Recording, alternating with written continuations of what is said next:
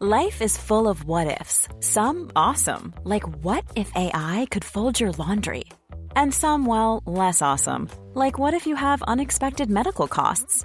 United Healthcare can help get you covered with Health Protector Guard fixed indemnity insurance plans. They supplement your primary plan to help you manage out of pocket costs. No deductibles, no enrollment periods, and especially no more what ifs. Visit uh1.com to find the Health Protector Guard plan for you. You should celebrate yourself every day, but some days you should celebrate with jewelry. Whether you want to commemorate an unforgettable moment or just bring some added sparkle to your collection, Blue Nile can offer you expert guidance and a wide assortment of jewelry of the highest quality at the best price. Go to BlueNile.com today and experience the ease and convenience of shopping Blue Nile, the original online jeweler since 1999. That's BlueNile.com. BlueNile.com. Many of us have those stubborn pounds that seem impossible to lose, no matter how good we eat or how hard we work out. My solution is PlushCare. PlushCare is a leading telehealth provider with doctors who are there for you day and night to partner with you in your weight loss journey. They can prescribe FDA-approved weight loss medications like Wagovi and Zepbound for those who qualify. Plus, they accept most insurance plans. To get started, visit plushcare.com slash weight loss. That's plushcare.com slash weight loss.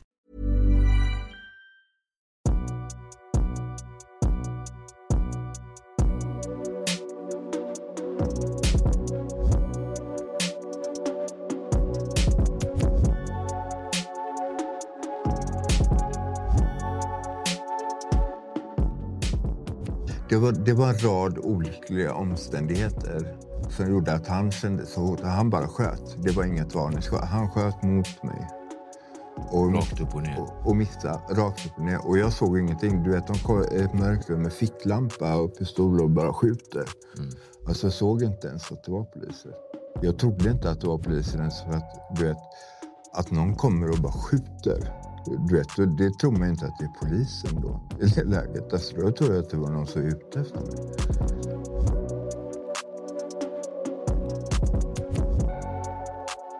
Hej på er och välkomna tillbaka till Dialogiskt. Mitt namn är Viktor och jag är som vanligt er host.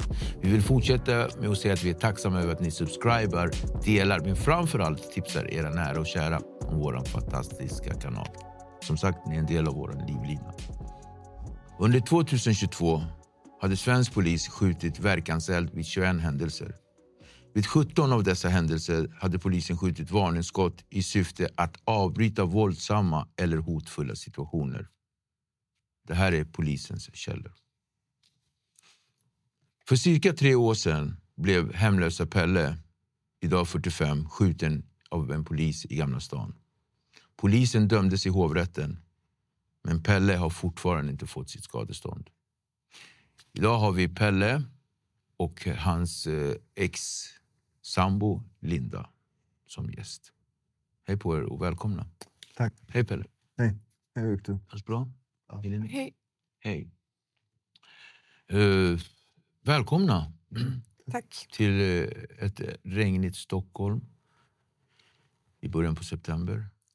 Hur känns det att vara här? Mm.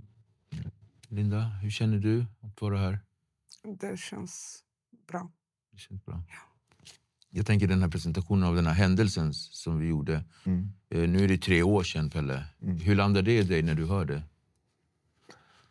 Nej, alltså det, det, alltså det, det, det är tungt, men det är någonting som jag... Liksom, jag har fått PTSD-syndrom där, alltså, så att det är någonting jag återkommer till varje dag hela tiden. I vilket fall, så att det, blir, det är inte något speciellt. Liksom, hur, det... hur ter den sig då?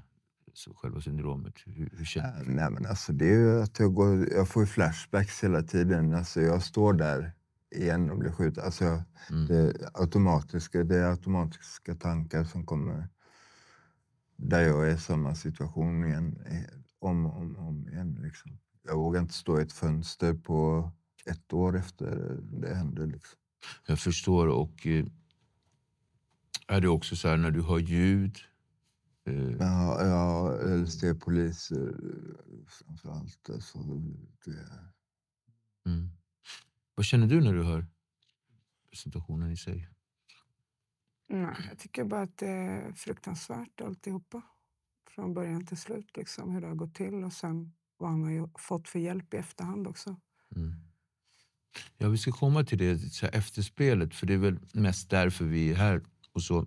Men om du berättar lite inledningsvis, vad var det som hände tre år sedan? Ja, det som hände var ju att eh, jag befann mig på Särby, Medborgarplatsen och eh, skulle åka in och träffa en kompis inne i stan. Mm. Eh, eh, väktarna sa att jag såg påverkad ut så att jag fick inte åka med tunnelbanan. Så jag tänkte att ja, jag går in och träffar honom. Men det var väldigt tidigt på morgonen och det var väldigt kallt ute. Så när jag går genom Gamla stan där så ser jag att det står en port, den står helt öppen. Det är inte så att jag går och känner på dörren utan den står helt öppen så här liksom. Så att jag tänkte jag går in och värmer mig i fem minuter bara och går vidare sen. Men, eh, och jag går upp någon våning så att ingen ska se att jag står där nere. Liksom. Så hör jag eh, att dörren öppnas och det kommer flera stycken uppspringande.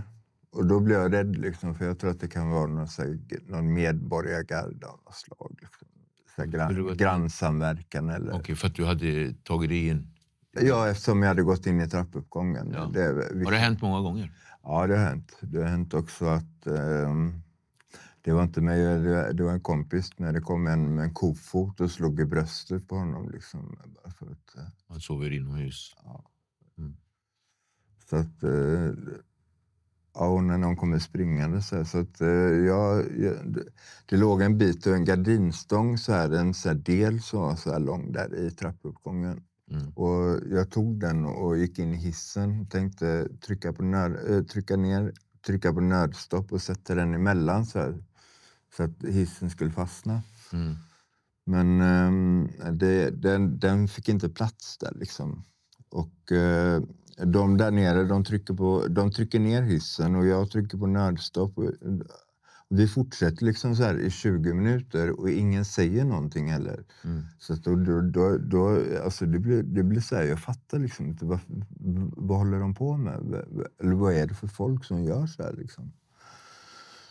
Så, nej men så slutade det i alla fall och jag väntade några minuter så kommer, går jag ut på gatan och det är mörkt och det är små gator där i Gamla stan. Och då hör jag att det kommer folk springande bakom mig igen så då, då börjar jag springa och då, jag hade med mig den här jag hade ju haft den här gardinstången, den där lilla biten av gardinstången i hissen. Så jag hade, jag hade med mig den i handen. Jag, jag slängde den helt enkelt bara. Liksom. Eh, men så var det, de höll på att bygga, in, bygga, bygga om ett ställe så att jag, tänkte jag, jag går in där och så springer jag ut på baksidan sen. Mm. Men jag kom ner i en källare där eh, det gick en dörr åt höger och en dörr åt vänster. Så möttes de som ett U. Så, så mm. jag kom ingenstans.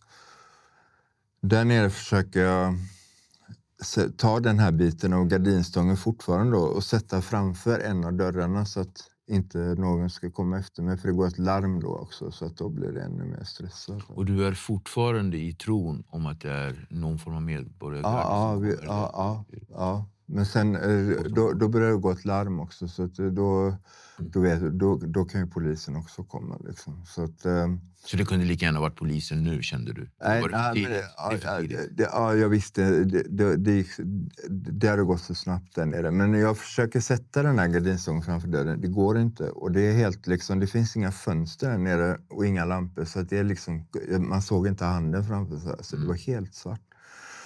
Och jag springer i mörkret och försöker känna efter någonting annat som jag kan ställa framför dörren.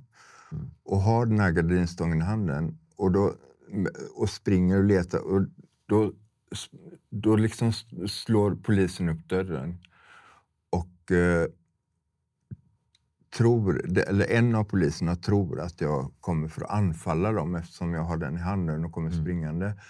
Och det, det, det, alltså, det, var, det var en rad olyckliga omständigheter som gjorde att han kände så Han bara sköt. Det var inget varningsskott. Han sköt mot mig. Och Rakt upp och ner. Och, och missa rakt upp och ner. Och jag såg ingenting. Du vet, de kom i ett mörkrum med ficklampa och pistol och bara skjuter. Mm. Alltså jag såg inte ens att det var poliser. Jag trodde inte att det var poliser ens för att du vet, att någon kommer och bara skjuter. Du vet, det tror man inte att det är polisen då i det läget. Alltså, då tror jag att det var någon som var ute efter mig. Och, eh, så jag sprang runt och då, då fick jag ju riktig panik. Alltså. Så att eh, jag sprang runt till den andra dörren, Mm. upp för trappan igen, upp på andra våningen. Eh, eh, går ut genom ett fönster och ställer mig på fönsterkarmen. Eh, och det är sex och en halv meter upp. Står där några sekunder. Då, då är det en polis nere på gatan som skriker släpp vapnet och så pang, pang. Bara två skott. Alltså, och det, det, när de skriker, mellan de skriker och skjuter, det finns, även om jag hade haft ett vapen så hade inte jag haft någon möjlighet att släppa. Alltså, det, var, det gick så snabbt. Alltså, släpp vapnet! Pam, pam! Det var alltså... Sen ramlade jag ner. Liksom. Och det, förutom att jag höll på att förblöda, det var ju allvarligt att jag höll på att förblöda. Liksom. Men sen det som var allvarligt, det var ju fallet också. Det, det sk- skadade ju mig. Berätta då. Eh, Förlåt, berätta. jag fick ju fraktur i ländryggen, jag bröt i ryggen liksom, och krossade hälen. Eh, högerhanden kommer jag inte kunna, aldrig mer kunna sträcka ut fingrarna mer än så här. Liksom. Du har ingen känsel i fingrarna eller? Jo, du har jo, jo, men le, ledbanden har gå- gått av. eh, Så att, ehm, de, men från början hängde bara de här två fingrarna, men det, de har vuxit fast på de Mm. här så de hjälp, hjälper dem. Så jag kan greppa i alla fall. Vad träffade skott, skott exakt? Eh, ett, ett, första i armen, Mm. då tappade jag balansen framåt. För jag stod ju på en fönsterkarm där. Så jag tappade balansen framåt. Skjuter en nästa skott. Går eh, genom, jag ramlar så framåt. Då går den genom vaden, upp Mm. genom låret hela vägen och stannar upp i ljumsken här. Mm. Jag tänker att vi stannar precis där.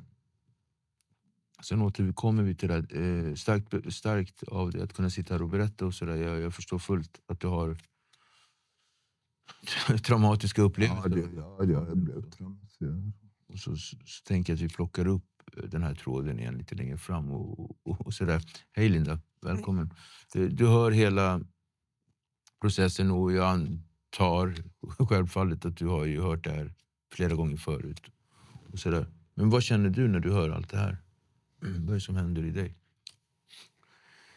Alltså det pendlar ju mellan, man, mellan att man liksom tycker att det, det känns... Det, ja, men det känns fruktansvärt, är det. Och Mm. Jag känner mig väldigt ledsen för Pelles skull. Och, eh, ibland känns det nästan som att det typ är på låtsas. Typ som en dålig film. Liksom. Som Mm. att det inte kan vara sant allt som har hänt runt omkring. Liksom. Och, eh, för det är ju många olika händelser som har varit fruktansvärt traumatiska runt mig i många års tid. Och eh, när det hände i början då var det lite så här, nej, jag hade svårt att ta till mig det hela. Du menar att det var rörigt runt omkring dig li- under den Ja, perioden? under den perioden, ja, precis. Men ehm, Men är det annorlunda att höra det idag då menar du? mm, Mm, ur ett annat perspektiv? jag känner mig mer i kontakt med Ja. mig själv. Liksom, så. Nej, jag tycker det är hemskt och jag lider väldigt mycket med Pelle. Att liksom han har blivit skadad liksom, för all framtid. Mm. Både fysiskt och psykiskt efter det här som hände. Känner, ser du förändringar i honom som person? Jag tycker att det känns som att den är ännu mera liksom så här, mm, vad ska jag säga, som PTSD-symptom. Liksom. Bara inte riktigt... Tänker du att han är mer sårbar eller tänker du att han är mer stressig, Mer stressig, och ännu mer stressig. Liksom. Mm. fumlig? Och... Ja, men det, precis. Och det blir man ju överlag när man lever det livet. Men det här alltså, att leva med sån enorm inre stress. Jag vet ju själv, för jag har gjort det själv i många år. Vadå för något? Levt... Levt i inre stress liksom. Så... Det, det gör ont att se Pelle så här faktiskt. Er relation då? Hur träffades ni? Hur många år sedan är det? Första gången? Oj. Jag var 16 va? Mm. Och du är fyra år äldre än mig. 20 var Vi träffades i Göteborg. mm. Det gjorde vi. På nyårsafton på en fest. Sen skulle jag ringa men så ringde, så ringde aldrig jag. Och du försökte komma ner till mig och så kom det efter, efter tre månader så stod hon utanför min dörr. Samma, jag blev vräkt samma dag. Det var någon som hade gjort inbrott i eh, kiosken från min tvättstuga men det var faktiskt inte jag. Mm. Den här gången var det inte jag. Men jag blev vräkt och eh, då står hon tre månader senare och knackar på min dörr medan jag packar mina grejer och frågar om jag ska följa med till Motala. Liksom. Jag minns inte ens det här. Alltså. Jag har så mycket minnesblockering. Liksom. Okej, o- men om vi stannar då i Pelle som minns lite mer. Eh, åka till Motala, hem till... Eh, till, hem till henne. Hur gammal var du då? Du var ju 16. 16. Mm. Så hem till dina föräldrar, Ja, min mamma. din mamma. Okej. Kommer du ihåg den grejen då? Att ni bodde hos din mamma? Mm. Lite olika delar av det. Men... Mm. Och sen går ju våra minnesbilder isär ibland också. Och jag liksom vet inte vem av oss som minns rätt. Liksom. Mm. Men det var ju så att... ehm, ja, vi tog ju droger ihop. Det gjorde vi. Åkte på festivaler, tog droger. Det var typ så. Sen blev jag gravid ganska snabbt. När jag var 17 år blev jag gravid. Mm. Och då, då hade ju Pelle precis förlorat sin eh, lilla syster i brandkatastrofen i Göteborg. Ja. Så, men det var ju typ en månad efter där som jag fick veta att jag var med barn och eh, kändes liksom som att nej, jag ska behålla barnet. Kände jag. Mm. Blev det familjeliv? Och det gjorde jag. Alltså det blev ju det i början där ett tag faktiskt. För eh, då gick du in på behandlingshem ett tag. Och jag slutade med alla droger. Jag började NA när jag var 17 liksom. Så jag eh, la ju av med allting och du, du la in det på behandlingshem typ ett halvår om jag minns rätt. Nej, två månader. Två månader, Tolv steg. Och då var du 20, 21. Mm. Ung, stark, skulle leva snabbt och eventuellt bli ett vackert lik då, om det nu händer. Vad kände du nu att vara pappa och, och, så här, bilda familj? Vad fanns det för tankar kring det? Fanns det som att du låt mig knarka lite grann medan jag håller igång det här? Nej, men grejen är att jag, lä, jag, jag läste rätt mycket i mitt liv och läste eh, redan då eh, läst ganska mycket psykologi och pedagogik. Och, alltså, jag vet att de två första åren i ett barns liv är de viktigaste. Mm. Och de två första åren, då fanns jag där och eh, då var jag drogfri faktiskt. Mm. Mm. Så att, ehm, Och det menar du att det har ju byggt en bra grund för er son heter Liam. Liam. Liam, ja. Det, det, det, det är det bästa jag åstadkommit i livet. Han har väl sina lite egna problem, men ändå så om man jämför med mig så har det gått väldigt, väldigt bra. Vad var det som höll ihop er två? Vad var det hos Pelle som fick dig? Liksom? Jag tycker Pelle alltid, jag har alltid känt att Pelle är en väldigt god, snäll människa. Och eh, liksom väldigt djup och vi har alltid kunnat så här, prata om allting på något sätt. Eller hur? Typ, så, här, det så känner jag fortfarande än idag. Liksom, Mm. Vi kan snacka om precis allting egentligen. Så här, och, eh, nu känns det nästan mer som att det är som en bror till mig. Eller, så här. Mm. Men eh, det var väl där mycket och sen att... Nej, men mycket lika tankar och åsikter ändå, liksom, tycker jag. Och mycket olika också. Men, men det var ju väldigt mysigt så här, den första tiden då med Liam och sådär. För att eh, då var ju vi båda drogfria och typ Pelle var en väldigt bra pappa faktiskt. Alltså, väldigt så här... eh, Jag har ju varit strulig i mitt liv, men jag har varit pappa i eh, ja, inte för, bara för min son. Jag har haft fyra styv, eh, ja, styvbarn också. Och det, det är det enda mina tjejer har sagt att du är så jävla strulig. Men det, det, en sak, nej, två saker. Laga mat och bra pappa. Det är det. Man är så snäll och liksom så här, um, omtänksam och vill alltid ställa upp och sådär. Liksom. Mm. Så. Vem är du, Linda? Vem är du? Mm. Det var en bra fråga. Är det det? Mm. Har du koll på det? Nej, vet jag inte. Berätta lite. Men du menar bakgrund? Vad jag har för bakgrund? Hur Liksom. skulle du definiera dig själv? Som person? Tre ord. Oj. Det är svårt faktiskt. Väldigt svårt. På tre ord så här. Jag tycker det... är- Jag vet inte. Ska vi låta Pelle göra det? Tre Ja, ord, Pelle. Kör. Eh, tre ord. Ehm, ja, eh, omtänksam eh, eh, driven och eh, också starkt eh, alltså så här rättvisepatos, heter det så? Mm. Alltså, det, alltså, hon står på den svaga sidan. Alltid. Kan du känna någon finns av envishet? Ja. Ja. Mm. ja. Det behövs. Det behövs. Och sen har hon haft ett väldigt svårt liv också. Så det, Jag tänkte fråga om det. Ditt liv, berätta. Eh, 16-åriga Linda träffar Pelle i Göteborg. Mm, Och tre månader efter så kommer hon knacka på hans dörr. just det. Vem är den eh, här? Jag hör ju modig eh, och, så här, och rättvis. Men vem är den personen då? Som, Som blev, eller vem, vem är det som blev den personen? Hur blev du den Linda? För det är ändå 16 år som du har hunnit utvecklas. Bakgrund. Alltså jag, jag har växt upp i ett jättedysfunktionellt hem. Alltså.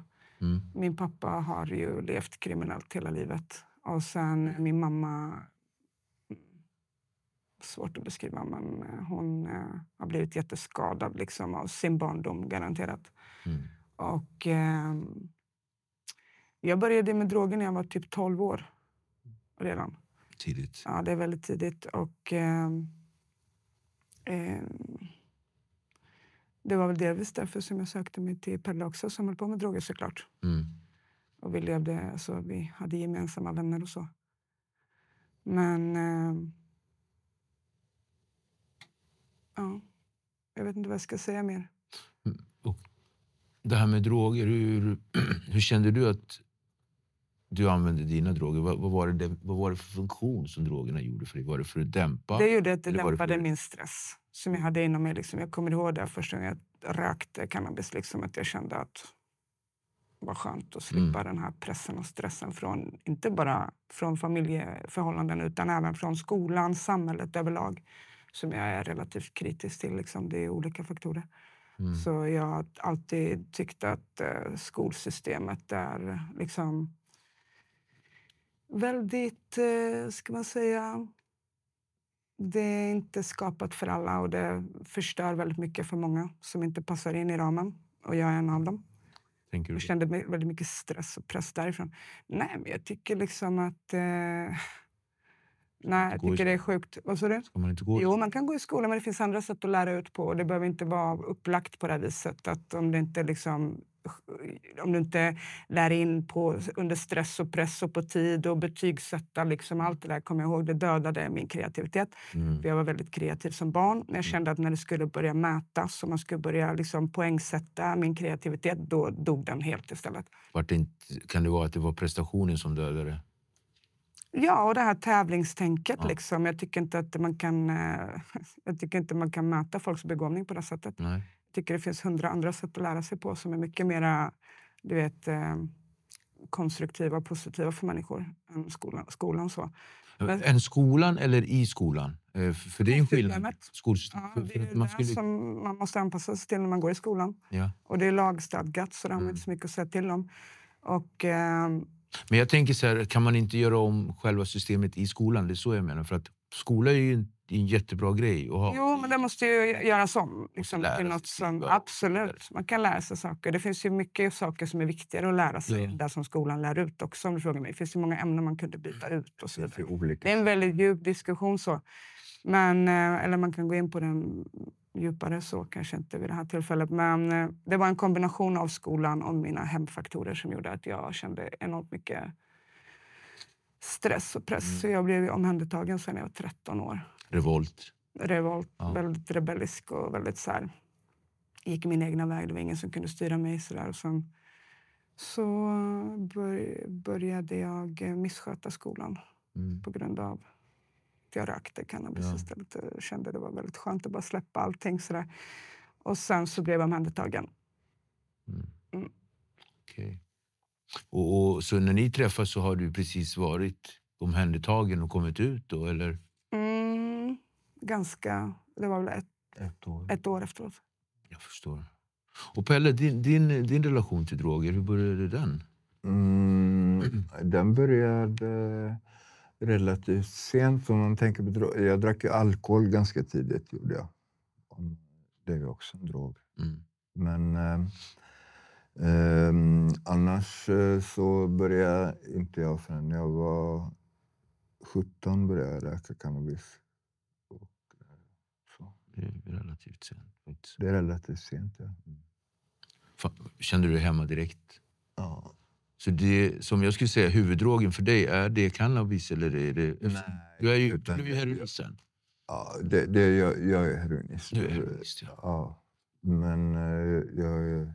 Den frågan brukar man ju ställa sig. Om man lägger alla droger på bordet, vilket skulle du välja idag? Alltså, du alltså, det, det, det är så att jag har ju, jag har ju substitutionsbehandling. Så att, eh, jag har faktiskt inget sug efter heroin. det där köper jag, men jag menar eh, du hade lägger varit aktiv. lä- lägger- Du hade varit aktiv. Om jag hade varit aktiv, ja, då hade jag väl tvungen, varit tvungen att välja heroinet för att inte bli sjuk. Men, Ja. Jag fattar det tänket. Jag har också varit heroinist. Så jag fattar ju, är man sjuk så tar man ju heroin, kosta vad det kosta vill. Men det jag menar, så här, ur terapeutisk synvinkel, bara för att liksom stagnera eh, tänket av omständigheter. Så här, om du är helt ren Mm. och man lägger någonting på bordet och du måste välja en drog, vilken drog skulle du ha valt? Ja, bli eller om jag hade varit helt ren och eh, vilken hade jag haft svårast att inte ta? Mm. Ehm, ja, cannabis. Ja, då blir det din huvuddrog egentligen. Mm. Så att om du är drogfri och tar ett återfall så är det ofta på cannabis. Ja. Det är så man mäter drog, drog, eh, eh, huvuddrogen. Sen blir det att den mynnar ut i heroin. Heroin gör ju andra funktioner och sådär. Eh, Någonstans så blev du eh, fullblodsnarkoman. Mm. När var det? Ehm, ja, det var ju... Det var ju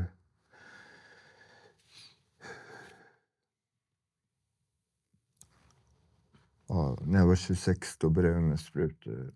Mm. Var det då du kände att nu, this is it, eller var det innan? Ehm, nej, men det, det var väl då jag kände att jag, började, att jag var... Nej, jag fattade, jag fattade redan från början att jag liksom hade ett beroende. Det, det förstod jag redan från början. Det tog bara några månader för mig att förstå det efter jag hade börjat. Men, Under den här tiden då, eh, när det gäller familj och relation mellan er två, 26 år gammal, har precis hittat sprutorna, men ändå, din, din, eh, jag antar att ofta så brukar man börja med sprutor efter ungefär fem år. Mm. Så du började väl kanske med heroin när du var 22? 23? Eh, nej, heroin började faktiskt också... Eller, jag tog först, heroin första gången när jag var 18, rökte heroin. Men sen hade jag så många vänner i Göteborg för det, det, det fanns inte heroin. Men sen blev det en epidemi. eh, där. Ja, precis vid eh, millennieskiftet. där. Ja, exakt. Eh, Så att då hade du redan kommit i den här romansfasen med heroin. Så att, Nej, jag hade sån stor respekt för det. Ja. Så jag tog det kanske varannan månad, var tredje månad en gång. I hur många år? I många år. I många år. När kom romansfasen? hela tiden när jag bodde i Motala. Alltså det var över tio år, över tio år hade jag, eh, gjorde jag så. Okej, det är en romansfas. Alltså, den är lång. Ja, Alltså för att när man gör sådär så är man ju i en romansfas. Det är det som kallas romansman. Man, blir, man förälskar sig i drogen. Det men, jag, men jag hade så stor respekt ja. för den så att jag vågade inte... Bara lite grann? Ja. Men det är fortfarande en kärlek? Är du med? För annars hade du bara släppt den. Eh, då köper jag det. Dialogiskt vill säga tack till våra stolta sponsorer. AFN, All Stars Fight Night. En organisation som främjar svensk fighting. Fordonsmäklarna. Bilhandlarna som erbjuder dig bra service och kvalitet på vägarna. Granby Storgård. Ett HVB-hem med familjekänsla. Advokatfirma Ola Tingvall. Ett tryggt försvar för alla. Var någonstans kommer Liam in i bilden då när det gäller relation och omvårdnad och sådär? När du är då heroinist, 25-26, börjar ta sprutor. Ja. Linda har varit nykter i ungefär åtta år kanske då?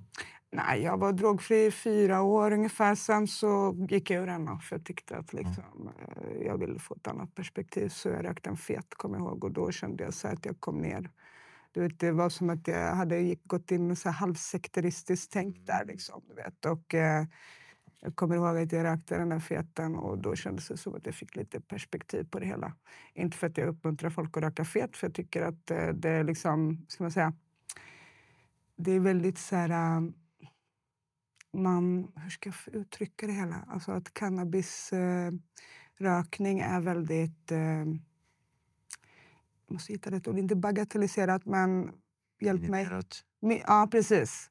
Liksom, och jag som har rökt väldigt mycket och länge, jag kan ju säga att jag tycker att eh, det dödar ens själ när man röker. Mm. Och när man hamnar i ett beroende, liksom, oavsett om det är cannabis eller någon annan drog. Men då fick jag det perspektivet. Att, så du tog ett återfall ett fyra år? Där. Och sen så, mm. Jag förstår. Men hur, hur klarar ni av att liksom maintain eh, den här relationen, familjegrejen? När slutade familjen? Det gjorde vi inte. Vi separerade efter två år. Okay. Efter två år. Men, sen, men sen så hade jag ju... Um, Pelle var otrogen. Ja, det var, jag träffade henne med 20 mm. uh, Men uh, hon hade också en son som var, som var bara några månader yngre än eh, våran son. Så att eh, jag bodde ihop med henne i två år. Och skaffade en ny familj? Och... Ja, och då var ju Liam hos mig tio dagar i månaden. Det hade vi ju som, ah. eh, det hade vi uppgjort då. Tills det började spåra ur? Ja. Mm, kan man säga. Så vid 30-årsåldern kan vi säga att då spårade det ordentligt? Ja, det, det var när jag flyttade. Jag fick en kontraktsvård eh, när jag var 30. Mm. Två års kontraktsvård och så jag hamnade i Stockholm. Berätta om Stockholm då. Uh, och, så. och missbruket framför allt. Det måste ju vara en period som... Ja, det, det var en hemsk period för mig. Det var mörkt? Ja, det var mörkt. För det var, det var så... Det var så mycket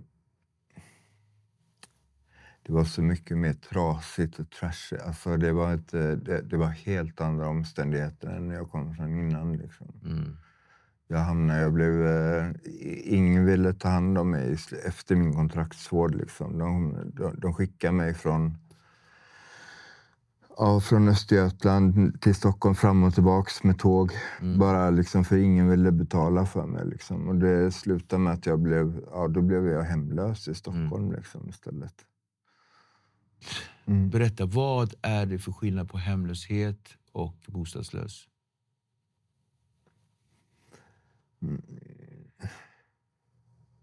Alltså, bostadslös, det kan man ju vara. Jag kan ju bo hos en vän och vara bostadslös. Eller jag kan bo ihop med en flickvän som har en lägenhet. och jag är inte heller bostadslös. Men det är inte mitt hem.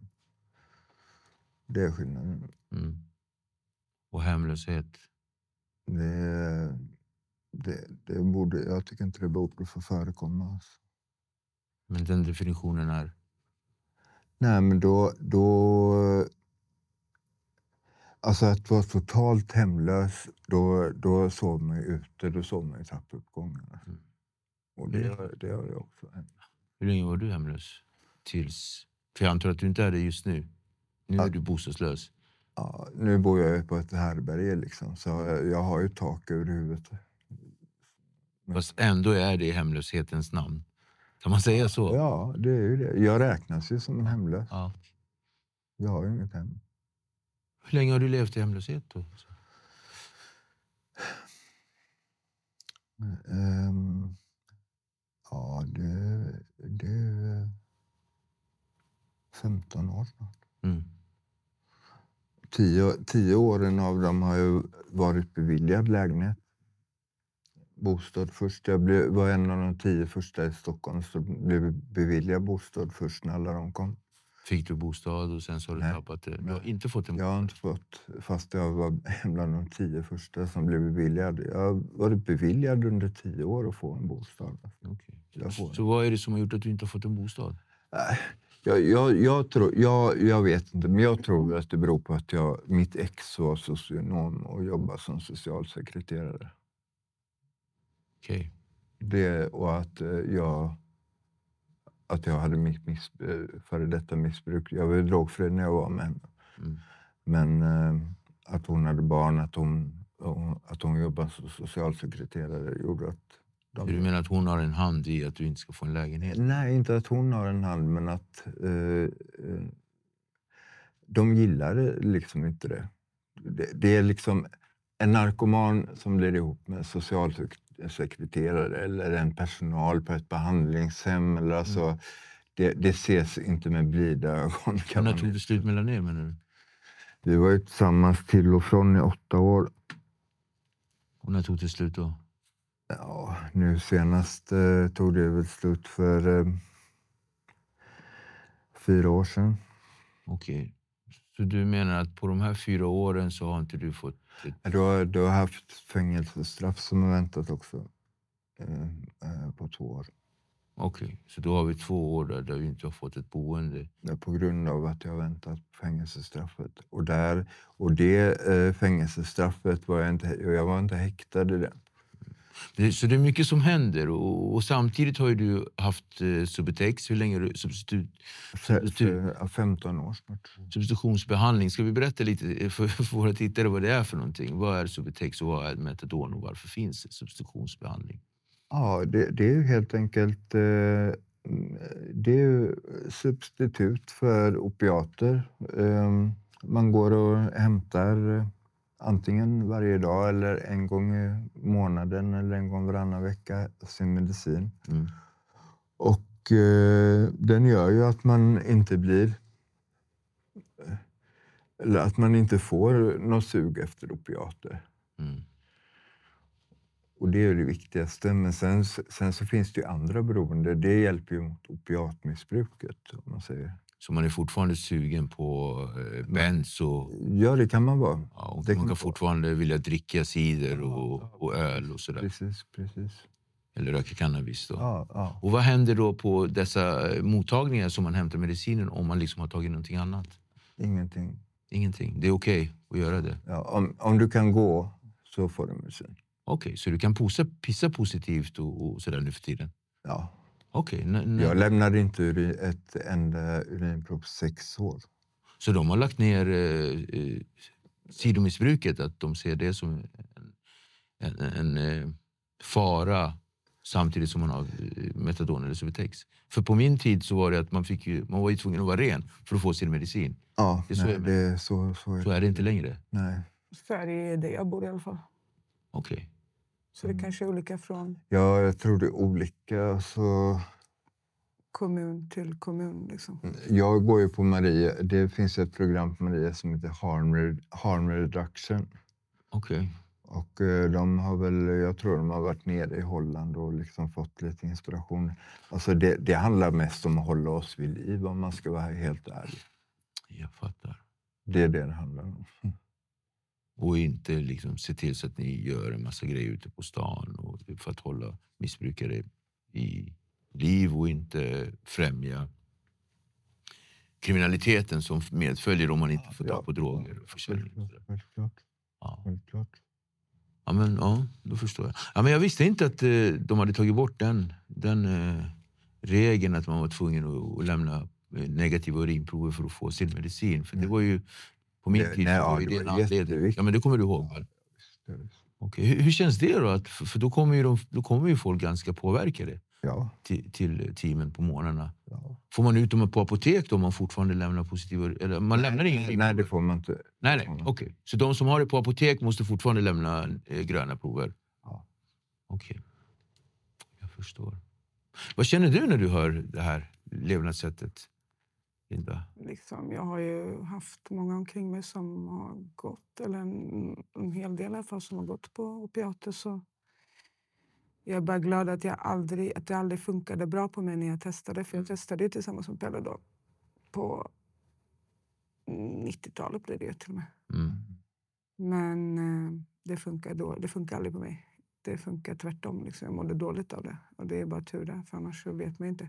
Men jag känner att liksom, det är väldigt blandat kring det här med att... Eh, för att jag har ju bland annat en kompis till mig. Hon har ju gått på Subutex i många år och eh, ganska höga doser. Och hon säger liksom att hon känner sig fortfarande själsligt liksom död. Och det är typ som att det är bara en laglig ersättning. Eller liksom, det är bara så här, det är samma grej fast eh, på laglig väg. Mm. Som för att hålla folk, liksom, som du sa, ifrån att... Eh, Inte dö eller göra brott? ja, Mm. men det reder ju inte ut det grundproblemet på något sätt. Utan det är där man hade önskat att det fanns bättre hjälp för de här människorna. För alla människor med beroende, att man inte hade den låga syn man har på viss, vissa typer av missbruk. För jag menar, det finns ju hur mycket som helst som är okej på laglig väg. Liksom. Som man har en helt annat synsätt på. Så det tycker jag är, det måste ändras.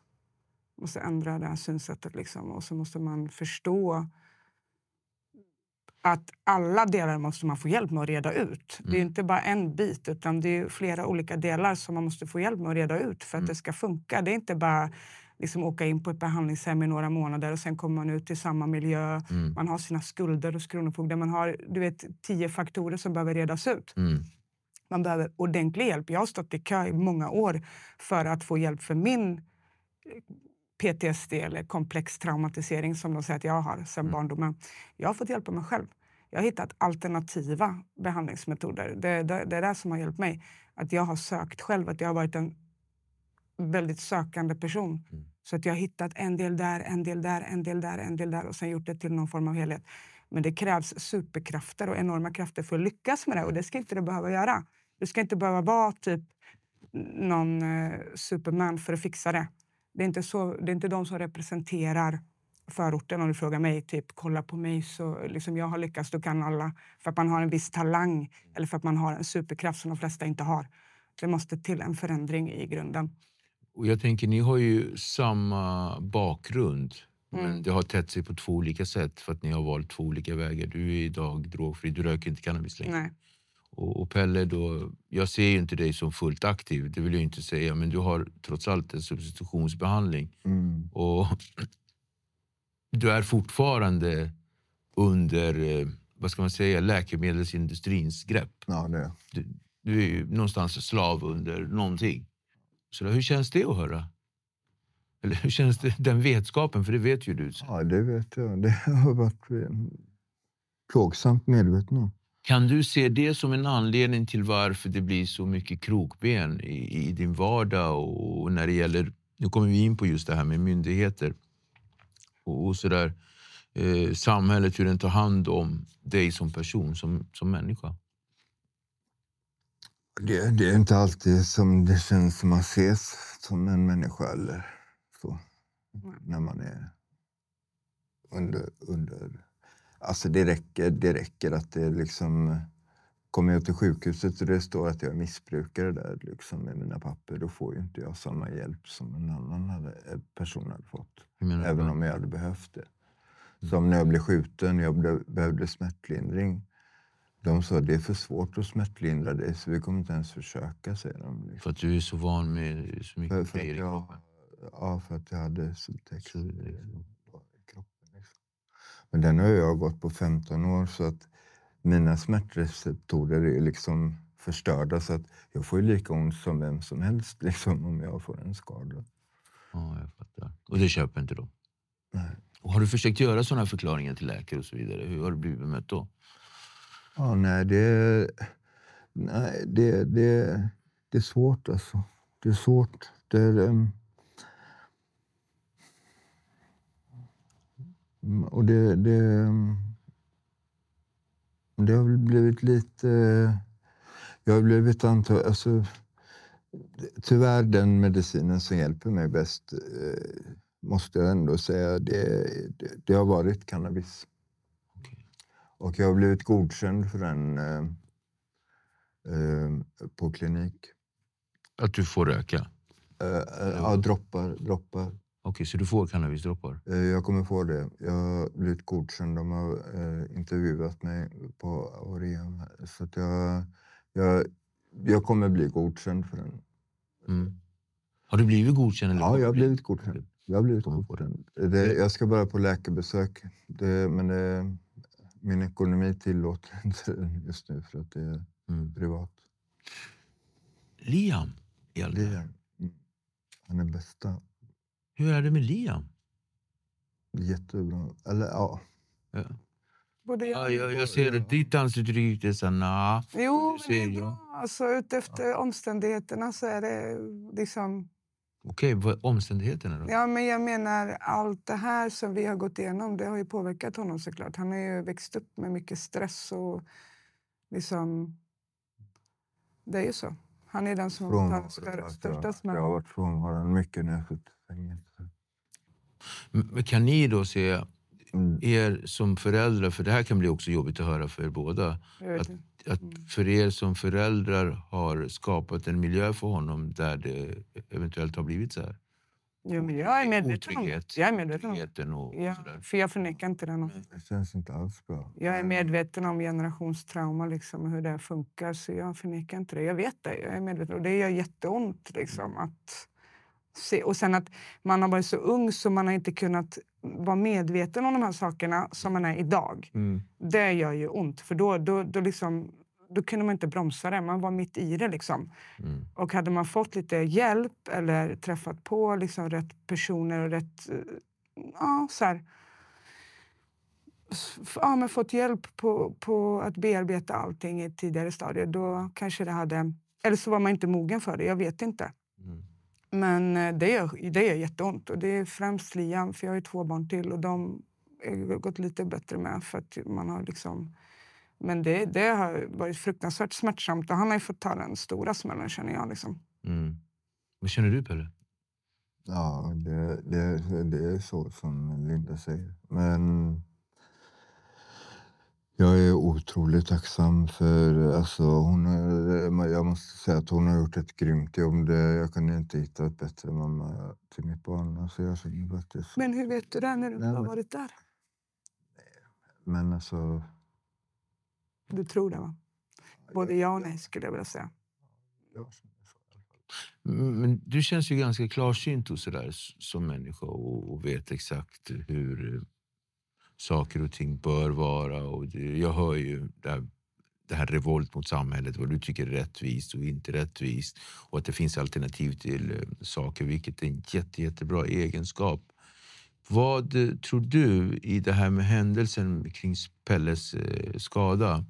Vad kunde ha gjorts annorlunda om vi går tillbaka till den då och försöker eh, runda upp det här? Av, eh, förlåt. Du, du menar efter han blev skjuten? Ja, efter han blev skjuten. För att du satt i rullstol, Pelle, i ett och, Pelle satt i rullstol i ett och ett halvt år. Så, så där, vad känner du, Linda? Jag tycker inte det ska vara så svårt att liksom... Du vet, allting är en kostnadsfråga. Om du Mm. behöver massage, om Mm. du behöver gå till en kiropraktor, om du vill göra yoga, om du Mm. vill liksom, alla de här grejerna som är bra för själen. Det är en kostnadsfråga hela tiden. Och det kan du ju inte få tillgång till när du är på botten och inte har någon ekonomi och allting. Mm. Jag tycker att de, den alternativa vården måste liksom in mer för de här människorna som lider av psykisk och även i Pelles fall fysisk Mm. ohälsa och missbruk. Det är, liksom, eh, det är ju människor som många gånger har liksom väldigt mycket trauma som sagt i botten.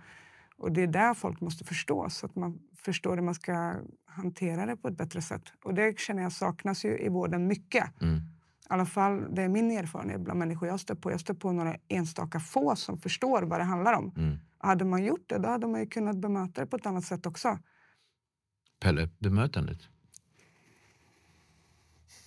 Nu i efterhand. Nu har det gått tre år, men men precis då?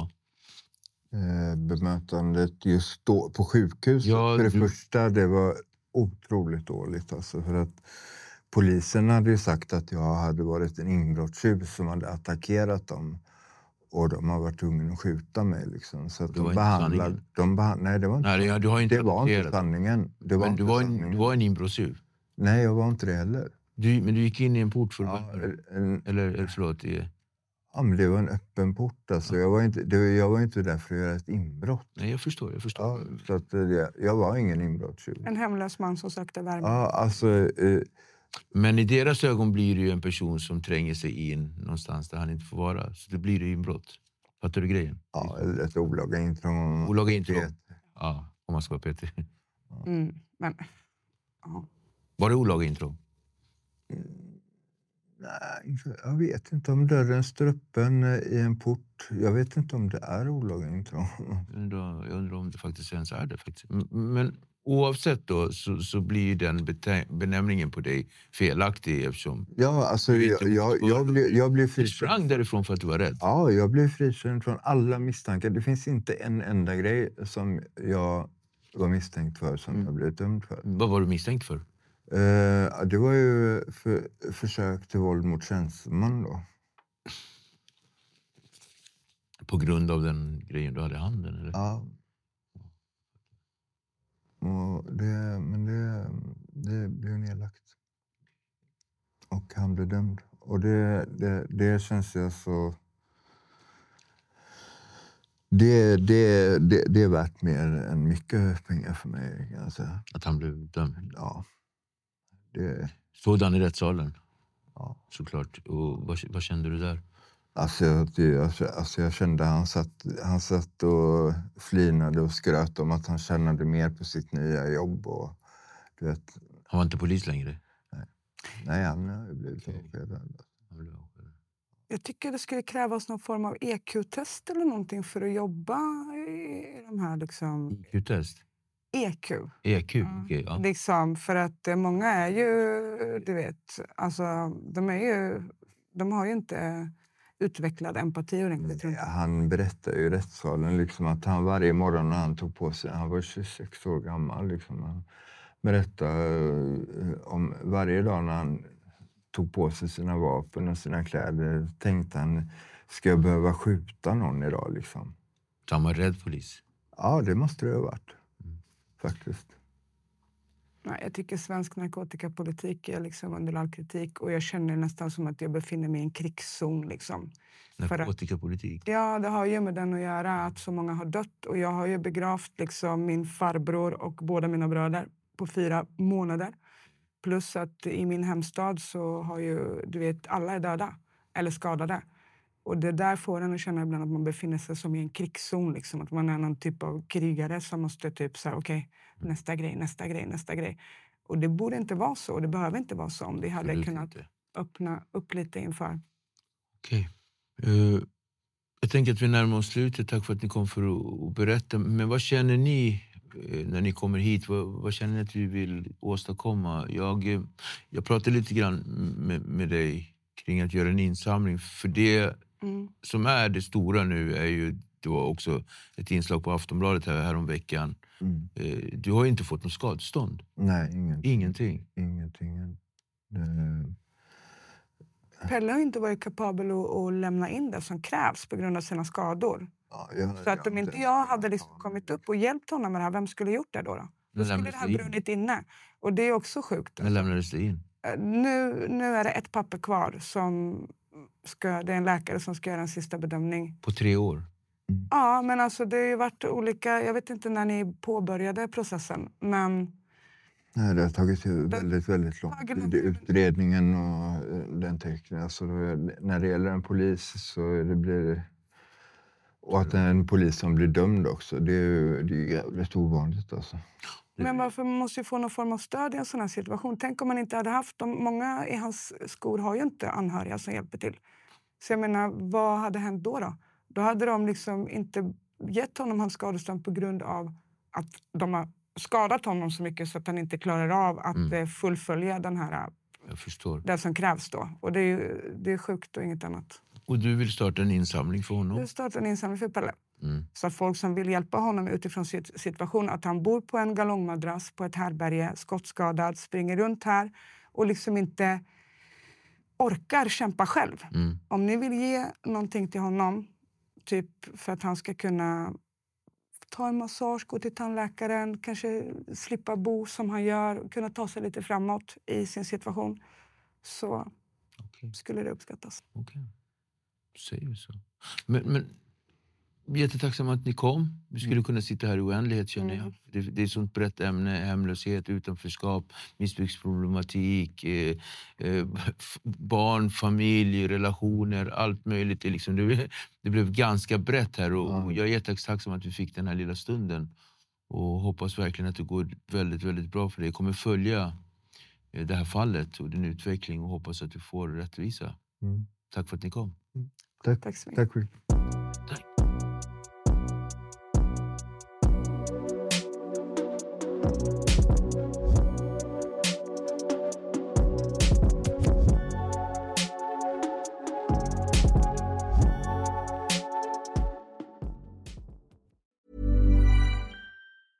Planning for your next trip? Elevate your travel style with Quince. Quince has all the jet setting essentials you'll want for your next getaway, like European linen, premium luggage options, buttery soft Italian leather bags, and so much more. And is all priced at 50 to 80% less than similar brands. Plus, Quince only works with factories that use safe and ethical manufacturing practices. Pack your bags with high-quality essentials you'll be wearing for vacations to come with Quince. Go to quince.com/pack for free shipping and 365-day returns. How would you like to look five years younger? In a clinical study, people that had volume added with Juvederm Voluma XC in the cheeks perceived themselves as looking five years younger at six months after treatment. Look younger, feel like you. Add volume for lift and contour in the cheeks with Juvederm Voluma XC. Reverse signs of aging by adding volume to smooth laugh lines with Juvederm Volure XC. For important safety information and to find a licensed specialist, visit juvederm.com. That's J U V E D E R M.com. Not for people with severe allergic reactions, allergies to lidocaine, or the proteins used in Juvederm. Common side effects include injection site redness, swelling, pain, tenderness, firmness, lumps, bumps, bruising, discoloration, or itching. There's a risk of unintentional injection into a blood vessel, which can cause vision abnormalities, blindness, stroke, temporary scabs, or scarring. Talk to a licensed specialist to find out if it's right for you. Hey, folks, I'm Mark Marin from the WTF Podcast, and this episode is brought to you by Kleenex Ultra Soft Tissues, your ally to help tackle your allergy symptoms this season. I love the change of seasons, but nobody loves pollen and all those other things floating in the air that make you sneeze during this nice weather. Kleenex Ultra Soft Tissues are hypoallergenic and allergist approved, so fight back against watery eyes and runny noses without worrying about irritating your skin. For this allergy season, grab Kleenex and face allergies head on.